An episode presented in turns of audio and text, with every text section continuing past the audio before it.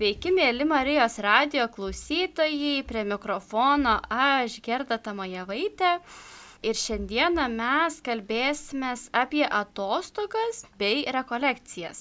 Iš tiesų, tai ar reikia ir galima derinti atostogas ir rekolekcijas? O gal pats tinkamiausias laikas rekolekcijoms yra gavėnė, o vasara skirta tai tiesiog atsigaivinti mūsų kūnui. Šiandieną kartu su manimi laidoje dalyvauja gyvenimo ir tikėjimo instituto direktorė Vilhelmina Raubaitė. Labą dieną. Taip pat dėstytojos rekolekcijų vedėjas Bernadeta Mališkaitė. Labą dieną. Ir taip pat Vaidilė Šumskienė. Sveiki. Tai iš tikrųjų polisis tai yra žmogaus fizinių ir dvasinių jėgų atgavimo procesas esame pratę pasirūpinti savo fizinių jėgų atgavimu, o dvasinės jėgas mes tiesiog, na, neretai apleidžiame arba net nekreipiame dėmesio į tai. Šventas Augustinas savo išpažinimuose sako, tu kvieti žmogų mėgautis garbinant tave, nes sukūrei mus savo ir nerami mūsų širdis, kol neatilsės tavyje. Na ir vis tik kas yra tas tikrasis žmogaus polsis? Ar polsis tokiame pandemijos fone yra kažkoks kitoks negu įprastai?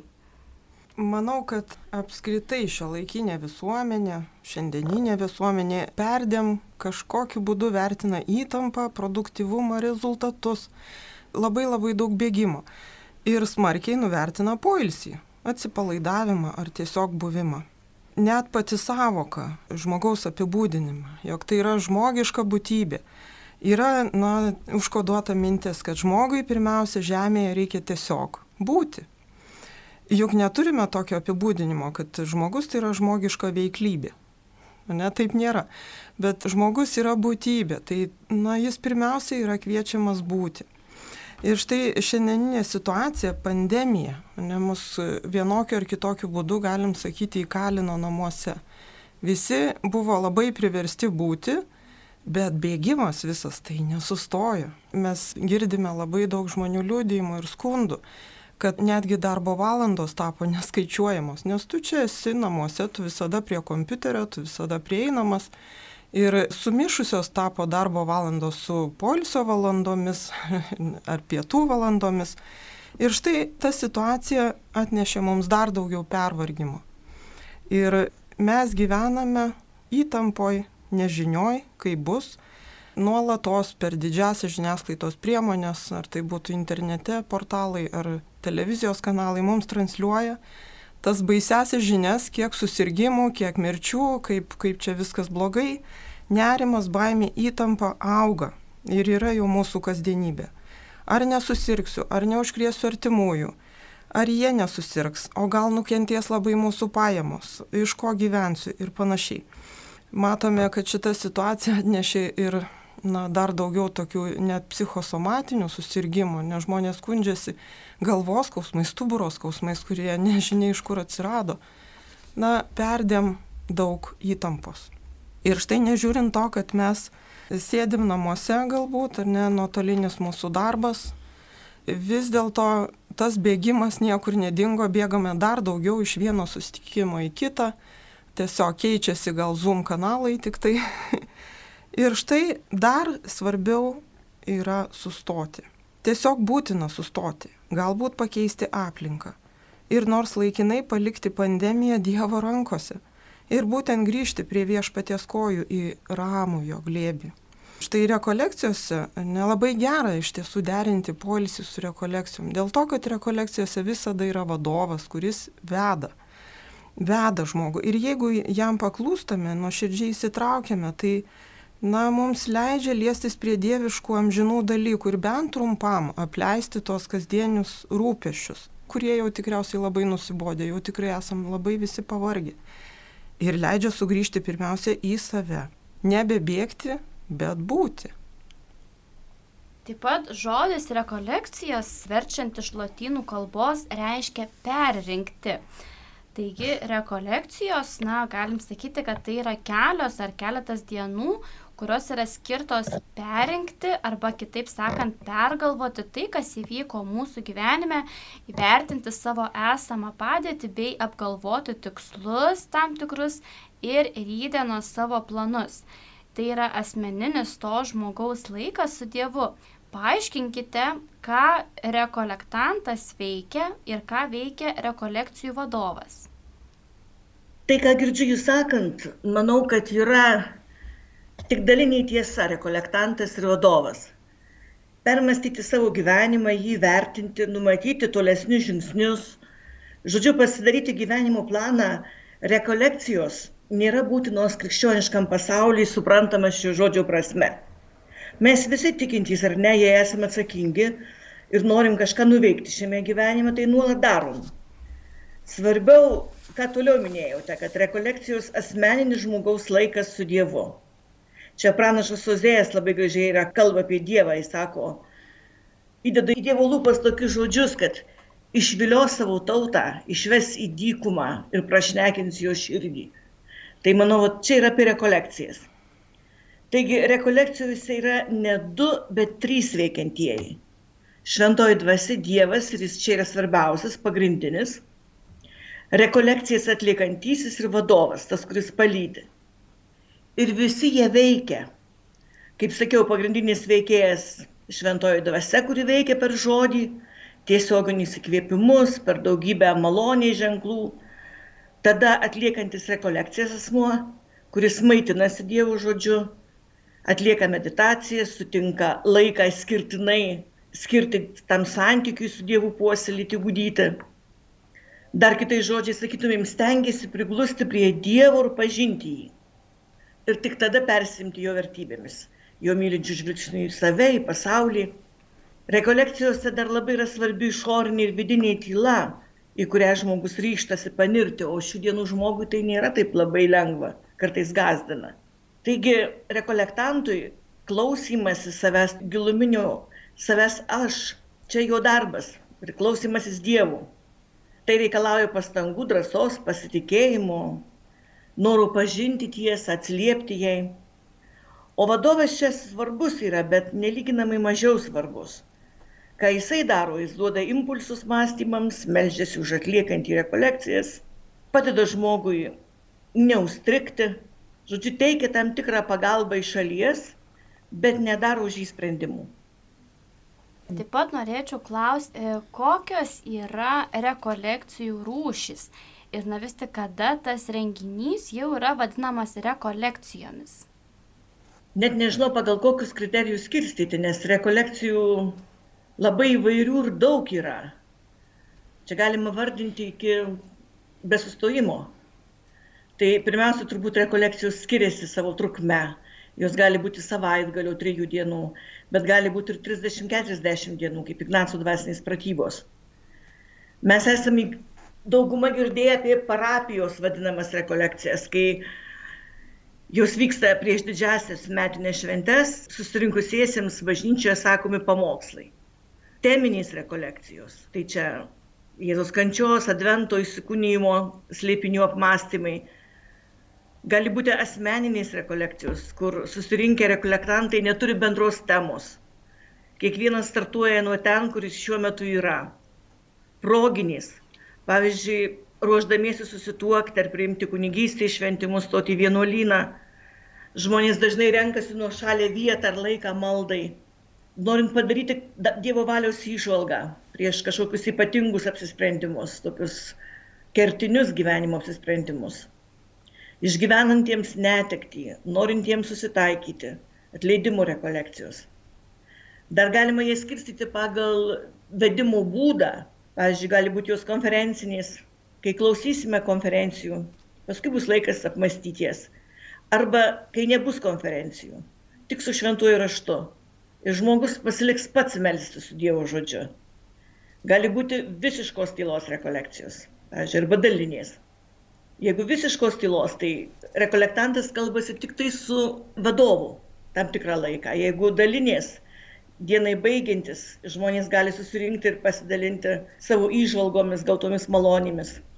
pagal tai, ką darau rekolekcijose, pavyzdžiui, kontempliuoju su piešimo elementais, su fotonuotraukų darimu, įjungiant į rekolekciją sakralų šokį, gerų filmų peržiūrą, aptarimą, meditaciją. Piligrimystę netgi galima paversti rekolekcijomis, jeigu tai tikrai nėra turizmas.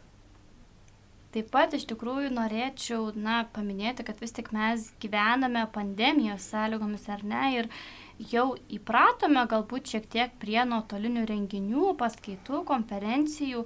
Ar yra na, minčių tiesiog siūlyti žmonėms nuotolinės rekolekcijas? Tikrai taip. Visgi turime labai objektyviai vertinti, kad šita situacija, pandemija nėra dar pasibaigusi ir būtent nuotolinės rekolekcijos visgi yra reikalingos. Ne tikrai, kai rengiame tiesioginės, kur žmonės gyvai dalyvaus, laikysimės visų reikalavimų, viską, ką mūsų valstybė šiuo metu liepia. Tikrai bus viskas užtikrinta. Ir visgi manau, kad tikrai yra žmonių, kurie vis dar baiminasi dalyvauti grupėse, kurie galbūt turi kažkokių dar lėtinių lygų, kurie gal turi artimųjų sergančių ir tiesiog nenori dar eiti į gyvas grupės.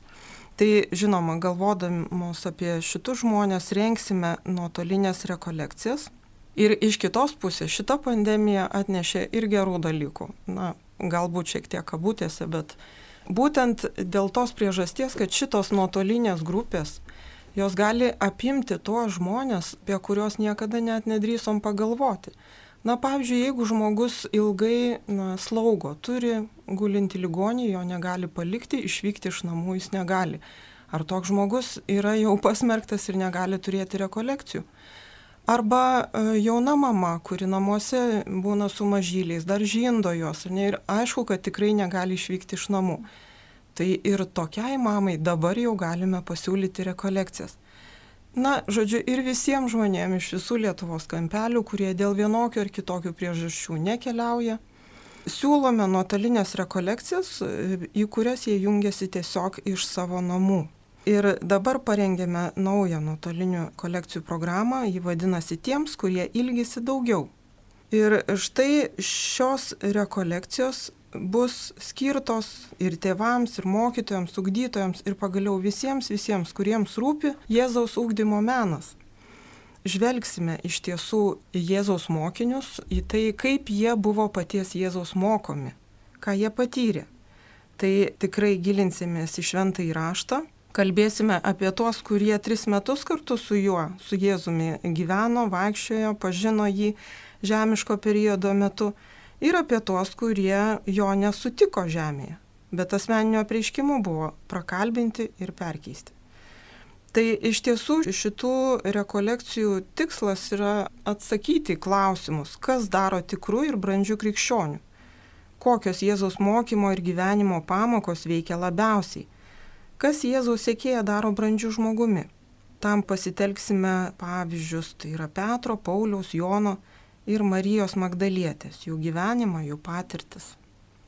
Na vis tik manau, kad yra svarbu tiesiog paklausti, kaip vis tik geriau susikaupti ir dalyvauti rekolekcijose nuotoliniu būdu ir būnant namuose, nes na vis tik e, esant prie kompiuterio neretai kyla iššūkių ir į virtuvę nueiti ir galbūt ten kavos pasidaryti. Tai tiesiog, na, kaip susitelkti ir kaip nesusikaupti ir turiningai dalyvauti tose rekolekcijose. Taip, iš tiesų, būnant namuose, galbūt nepasieksime tokios rekolekcijų dinamikos, kuri ten vyksta, pavyzdžiui, tylos rekolekcijose išvažiavus savaitę ir devynioms dienoms. Tačiau dinamikos vis tiek bus. Labai priklauso nuo mūsų požiūrio ir nusiteikimo. Manau, kad tiesiog svarbu širdyje tomis dienomis nešiotis Dievą. Na, išlikti tokioj jo akivaizdoj, akistatoj tiesiog samoningai visur, ką veikiu, ką bedarau, jį nešiotis savo širdyje.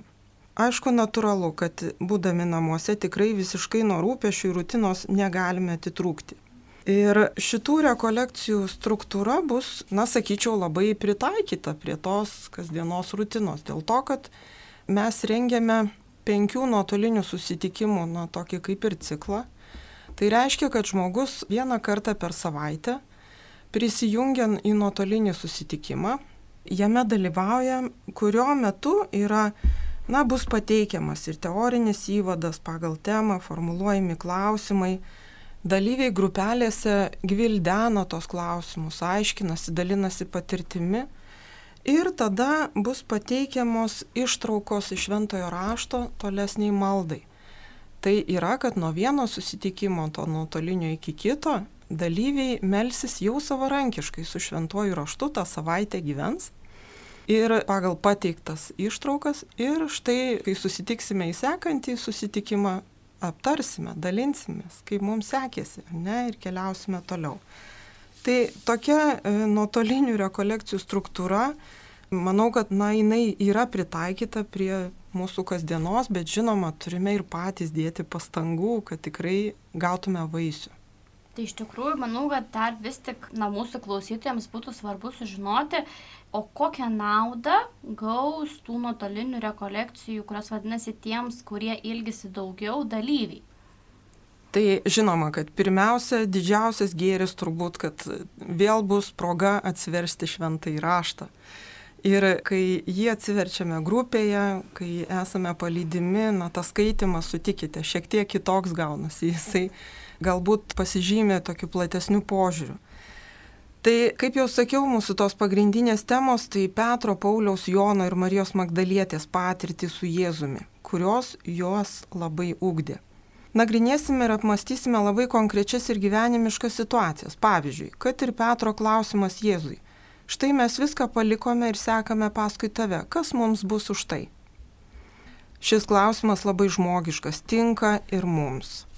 Juk ir mes galbūt labai daug nuveikėme dėl Jėzaus, darbuojamės dėl bažnyčios, dėl kitų žmonių. Šis klausimas gilus, jei kyla ne iš puikybės ar, na, savo naudiškumo, bet iš troškimo pamatyti savo tų aukų, savo pasiaukojimo vaisius. Juk dažnas iš mūsų gali ir pajėgia atsisakyti daiktų ar net patekti į didelį stygių dėl kitų žmonių, kuriuos mylime. Toks klausimas glūdi mūsų širdyse Na ir Jėzus į tai atsakys Petrui ir manau, kad tikrai atsakys ir mums. Arba štai, pažiūrėjau, Marija Magdalietė, Jėzaus pagydyta nuo septynių demonų, taip pat stipriai viešpaties paliesta lieka įtin jam ištikima. Ji nuseka jį iki kryžiaus. Ką jį išgyveno Jėzaus kančios akivaizdoje ir po jo mirties, ką jį išmoko iš savo mokytojo sutikusi jį prisikėlusi. O kaip gyveno, kai Jėzaus vis dėlto žemėje nebeliko? Na tai tokius ir panašius klausimus ir situacijas siesime be abejo su savo patirtimi. Tai manau, kad ta nauda dalyviams, tai yra pirmiausia, jo galėsime apmastyti, na, važvelgdami į tos pavyzdžius ir savo augdymosi kelią, palyginti jį su Jėzaus mokinių patirtimi. Na ir išsigryninti savo kaip tėvų ir ugdytojų poreikius, ne? Manau, kad tikrai daugelis iš mūsų esame tėvai, pavyzdžiui, arba dirbame vienokį ir kitokį darbą su jaunimu ar moksleiviais, su ugdytiniais. Tai tie poreikiai labai svarbu pirmiausia patiems išsiaiškinti, kokie jie yra, ko aš noriu. Pirmiausia, kaip žmogus ir tada, ko jau noriu iš savo mokinių ar ugdytinių. Taip pat iš tiesų norėčiau klausti, na vis tik galbūt klausytojams būtų svarbu ir įdomu sužinoti, kas yra dvasinės pratybos ir kuo jos skiriasi nuo įprastų rekolekcijų. Pratybos tai yra vieno iš Jėzos draugijos, mes įpratę sakyti, Jėzuitų ordino įkūrėjo, gimusio Ispanijoje, Baskų krašte, gyvenusio 15-16 amžiuje dvasinė patirtis ilgainiui jinai buvo vis labiau atpažinta, susisteminta ir tapusi dovana visai bažnyčiai, ne tik vienuoliams. Rekolekcijų trukmė yra 30 dienų. Dvasinės pratybas sudaro keturios dalys, tradiciškai skirstumos į keturias savaitės. Kai pirmoji savaitė apmastomas nuodėmės blogis, tada Jėzaus gyvenimas, Jėzaus kančia, trečioji savaitė ir ketvirtoji Jėzaus prisikėlimo slėpiniai. Kuo skiriasi, tai turbūt galiu pasakyti, kad skiriasi ir tuo, kad turi savo sudarytoją, Šventą Ignacą, labai ilga amžiais, penkia amžiai. Pratybos yra populiarios ne tik tarp katalikų, bet ir tarp protestantų. Na, o dar populiarumą turbūt liudija tas faktas, kad sutikit rekolekcijos labai ilgos, 30 dienų, bet matydami tą prasme, žmonės neatsisakė pratybų. bet ieškojau labai įvairių būdų, kaip jas atlikti, atsirado įvairių formų, kaip atlikti padieniui, per devynis mėnesius apmastyti visą rekolekcijų 30 dienų medžiagą, kaip kas metai turėti vis kitas savaitės. Vienais metais vieną, kitais metais antrą, tada trečią ir per, per keturis metus baigti. Taip pat įvairiausių būdų, su šokiu, su bibliodramos elementais. Tai manau, kad populiarumą lemia universalumas ir prieinamumas, labai kristocentriškos, šis tikslas pažinti, pamilti ir susidraugauti, persimti Jėzaus žvilgsniu į gyvenimą, į save, atpažinti savo gyvenimą. Ignačiui labai svarbu buvo vienyti tikėjimą ir gyvenimą.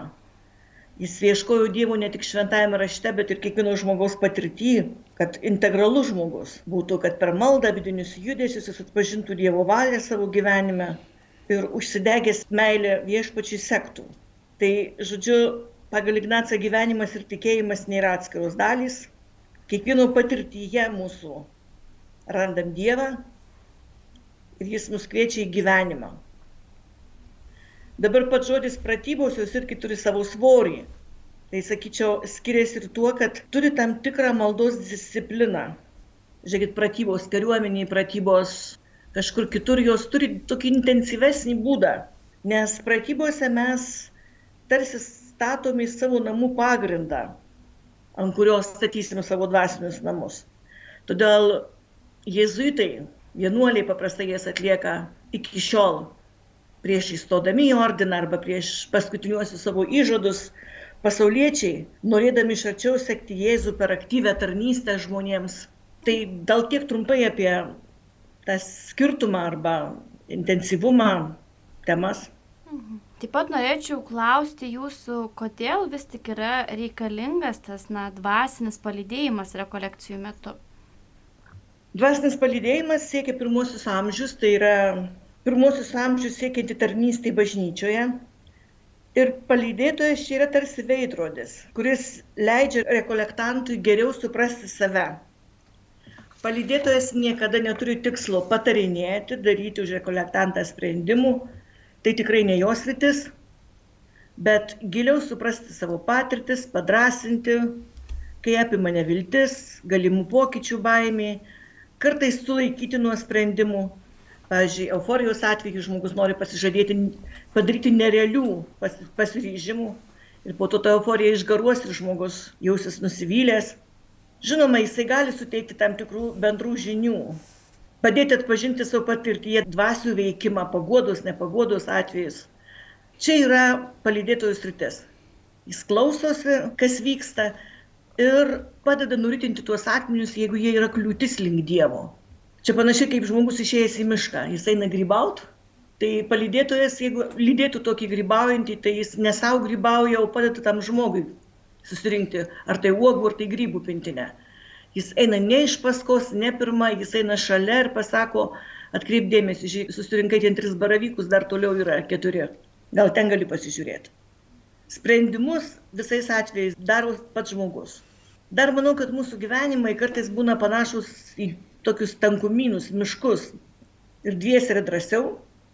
O jeigu žmogui iš tikrųjų viskas labai gerai einasi, tai šlovinti Dievą dviese, dėkoti jam, pagilinti tas išgyventas džiugės patirtis. Visada yra pravartu, džiugu, kai turi su kuo.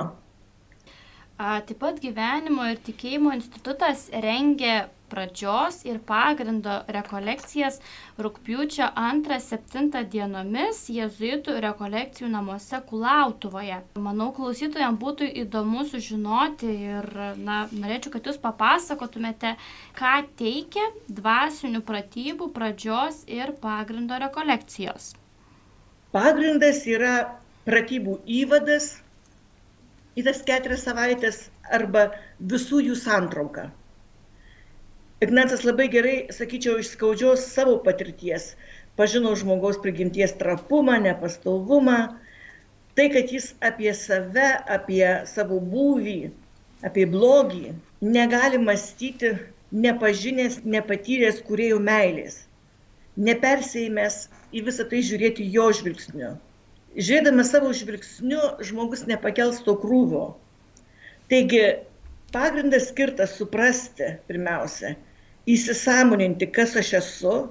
Tai reiškia, kad aš nesu anonimas, klaida, atsitiktinumas, bet esu Dievo mylimas, lauktas, esu asmuo, ne individas, kad nežiūrint nuopolio turiu orumą, esu apdovanotas laisvę, kurią Dievas gerbė esu pašauktas ir turiu kilnų, kilniausią iš visų kūrinijos, iš visos kūrinijos tikslų. Tai dar svarbi pagrindė yra tas santykio su kitais kūriniais, įsigryninimas. Mokėti priimti kaip dovaną, rūpintis, bet išlaikyti vidinę laisvę, nebūti dovanos pavartam. Ir jei trumpai, taip, tai sakyčiau, kad centre pagrindo per maldą įsisamoninta ir išgyventa tėvo meilė kaip sakiau, esu nusidėjėlis, bet besąlygiškai mylimas, niekada nebūti priemonė ir niekada kito nelaikyti priemonę savo tikslams pasiekti. Pagrindiniai tokie klausimai pagrindė, į kuriuos ieškom atsakymų, tai yra egzistenciniai klausimai, kurie visus mus kamuoja. Kas aš esu, koks mano tikslas. Ir tik tai žinodamas aš galiu rinktis, kaip man gyventi, ko man reikia, kokiais būdais eiti tą tikslą tai gili Dievo meilės patirtim man. Nekalbant čia apie intelektualų Dievo pažinimą, bet apie Dievą ateinantį ir atsiduodantį mums per savo žodį. Tai po pagrindo dažnai žmogui subyra, keičiasi lik tol turėtas tiek Dievo, tiek savęs įvaizdis. Tai yra esmė, ko žmogus gali tikėtis. Pažinti ir patirti tiesą apie Dievą ir žmogų, apie save. Taip pat dar vienos naujos rekolekcijos dvasinės pratybos su bibliodrama, kurios vadinasi Esu nuostabiai padarytas. Manau, kad labai įdomu būtų sužinoti, kuo jos skiriasi nuo įprastų dvasinių pratybų. Tai jau Bernadette labai daug papasakojo apie dvasinės pratybas, apie jų dinamiką, tikslus ir šitos rekolekcijos su bibliodrama, tai yra taip pat yra dvasinės pratybos bet galbūt daugiau jos yra skirtos tiem žmonėms, kurie, na, gal turi šiokių tokių baimių būti visiškoje tyloje, tai bibliodrama vis tiek vyksta grupėje, bet kaip jos atsirado ir kilo ta mintis, tai mintis kilo labai seniai. Dar 2006 metais Vokietijos jezuitai mus pakvietė jungtis į tokį europinį projektą, kaip jungti Švento Ignaco dvasinės pratybas su bibliodrama. Tuo metu institutas jau keletą metų vedėme dvasinės pratybas ir pakankamai nemažai žmonių vis dalyvaudavo, bet bibliodrama buvo visiškai naujas dalykas. Niekas iš mūsų nebuvom dalyvavę. Ir, nu ką, susidomėjome. Na, susidomėjome, pradėjome mokytis bibliodramos ir sekė dar kiti projektai ir daug kartų kitose, aišku, šalyse teko dalyvauti ir mokymuose, ir pačiose dvasinėse pratybose su bibliodrama. Aišku, dinamika skiriasi, bet širdyje visą laiką buvo toks didelis troškimas pradėti organizuoti ir Lietuvoje. Nu ir štai šią vasarą tikrai įvyks tos pratybos su bibliodrama Tačiau, ką aš galiu pasakyti, kad Lietuvoje žodis bibliodrama galbūt gazdina žmonės. o iš kur mes apie tai žinome? O žinome iš to, kad kai žmonės e, ateina į grupę, jie dažnai tą įvardyje. Kad e, na, buvo nedrasu pasiryšti tokioms rekolekcijoms, nes vis tiek bijo vaidinti ar dar kažko bijo. Tačiau Na ir kvieščiau tuos drąsius žmonės, kurie nebijo susitikti su savimi Dievu ir keliauti tą kelią. Tai dažniausiai, nu kaip, reikia aiškiai apsispręsti, kad, nu, neriu į tą nepažįstamą man lauką ir rizikuoti. Bet iš tikrųjų rizikuojame ir dalyvaujame bet kokiuose dvasinėse pratybose ar rekolekcijose, nu, nes mes nežinome, ką Dievas yra mums paruošęs, į ką jis bus pakvies ir nu, mes tik tai galime numanyti ir tikėtis, kad jis mums paruoš nuostabių dalykų. Ir čia vas 139 psalmėje, kur būtent šitas pavadinimas esu nuostabiai padarytas ir eilutė iš 139 psalmės rašoma. Viešpatie ištyriai mane ir pažįsti, žinai, kada atsisėdu ir kada atsistoju, iš tolo supranti mano mintis. stebi mano žingsnius ir mano poilsį, pažįsti visus mano kelius. Taigi, vat, Dievas mus pažįsta, tai ko mums bijoti, stokime į Dievo akivaizdą. ar dvasinėse pratybose, ar pratybose su bibliodrama, na, čia gali būti labai nuostabi mūsų kelionė.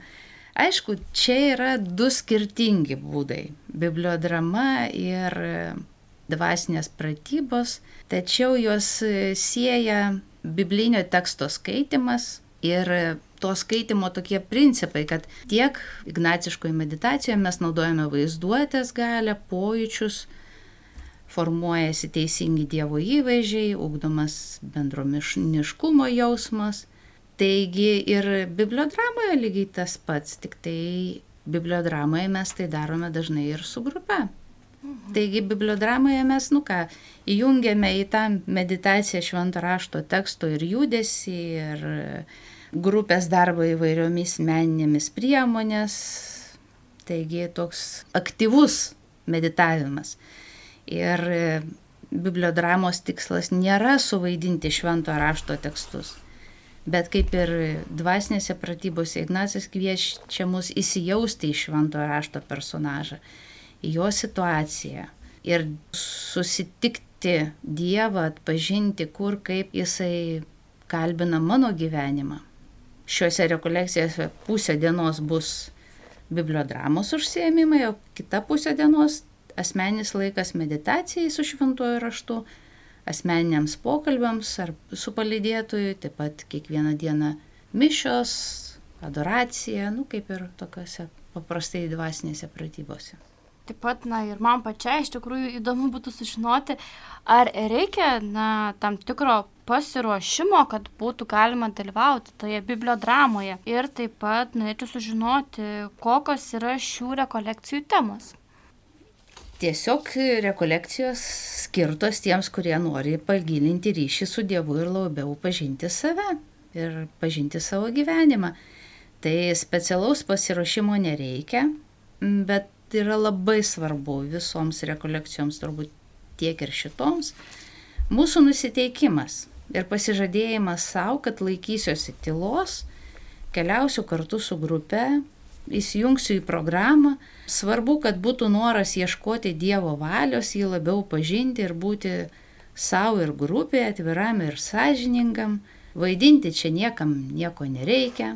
Esame tiesiog kviečiami būti tokie, kokie esame, su savo žiniomis, jausmais, rūpešiais, džiaugsmais, klausimais.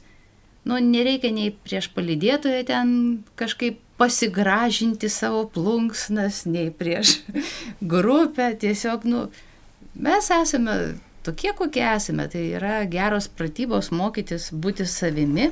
Ir, o kokia yra kolekcijų tema, tai yra pagrindinė tema. Esu nuostabiai padarytas, Dievas sukūrė mane tokį, kokį, kokį sukūrė, jis mane pažįsta, rūpinasi manimi. Taigi per įvairių švento rašto tekstus žvelgsime įvairiais aspektais į kūrinyje, save, Dievą, savo pašaukimą.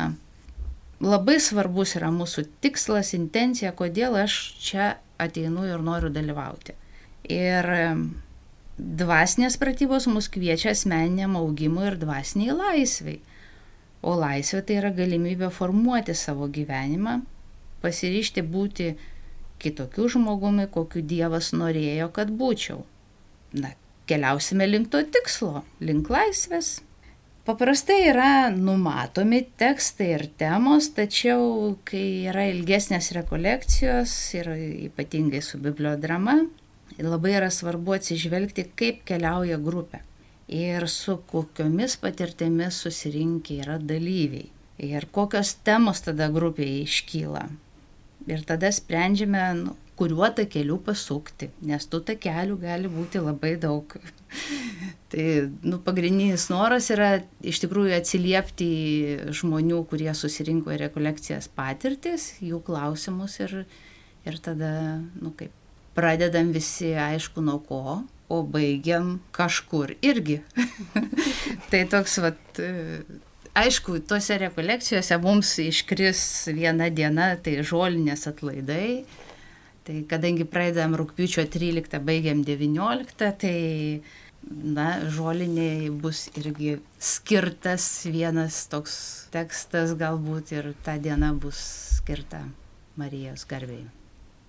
Tai mes labai kviečiame visus susidomėjusius dalyvius tiek nuotolinėmis rekolekcijomis tiems, kurie ilgisi daugiau, kurios prasidės jau birželio antrą dieną, tiek dvasinėmis pratybomis pradžia ir pagrindas, tiek dvasinėmis pratybomis su bibliodrama esu nuostabiai padarytas.